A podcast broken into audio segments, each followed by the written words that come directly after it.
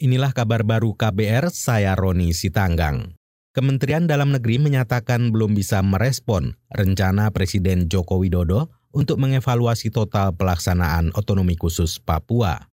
Dirjen Otonomi Daerah Akmal Malik beralasan kompilasi data hasil evaluasi pelaksanaan otonomi khusus dari kementerian yang bertanggung jawab sampai saat ini belum ada. Yang kami evaluasikan adalah pelaksanaan undang, nggak kami kami target apa-apa. Artinya setiap waktu kita harus selalu akan melakukan evaluasi. Setiap setiap bulan, setiap tahun selalu ada evaluasi. Pelaksanaan otonomi khusus itu kan mencakup 32 urusan, ada pendidikannya, ada kesehatannya.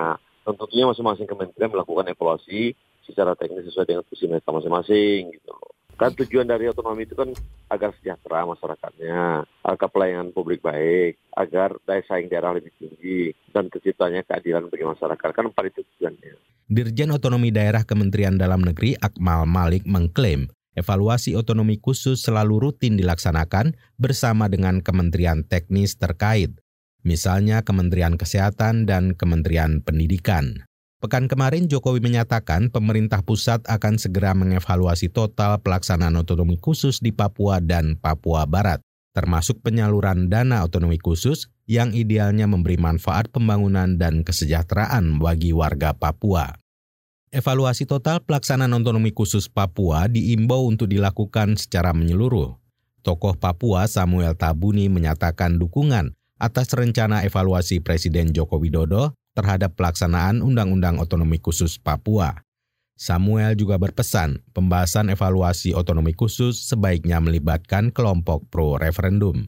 Kalau hanya khususnya secara parsial itu tidak akan selesaikan soal Papua. OPM lah kelompok perseberangan itu semuanya harus dilibatkan. Lalu mencari solusi damai permanen itu. Jangan sepotong-sepotong. Tokoh Papua Samuel Tabuni menyebut selama ini pelaksanaan otonomi khusus tidak optimal karena dijalankan tanpa ada perda khusus Perdasus sebagai turunan dari Undang-Undang Otonomi Khusus Papua. Akibatnya, pemerintah daerah kesulitan mengimplementasikan otonomi khusus di lapangan. Pertamina mengklaim sudah menyelesaikan target membangun 75 penyalur BBM satu harga di wilayah timur Indonesia. Tujuh titik terakhir bahkan sudah diresmikan Menteri SDM Ignatius Jonan akhir pekan lalu.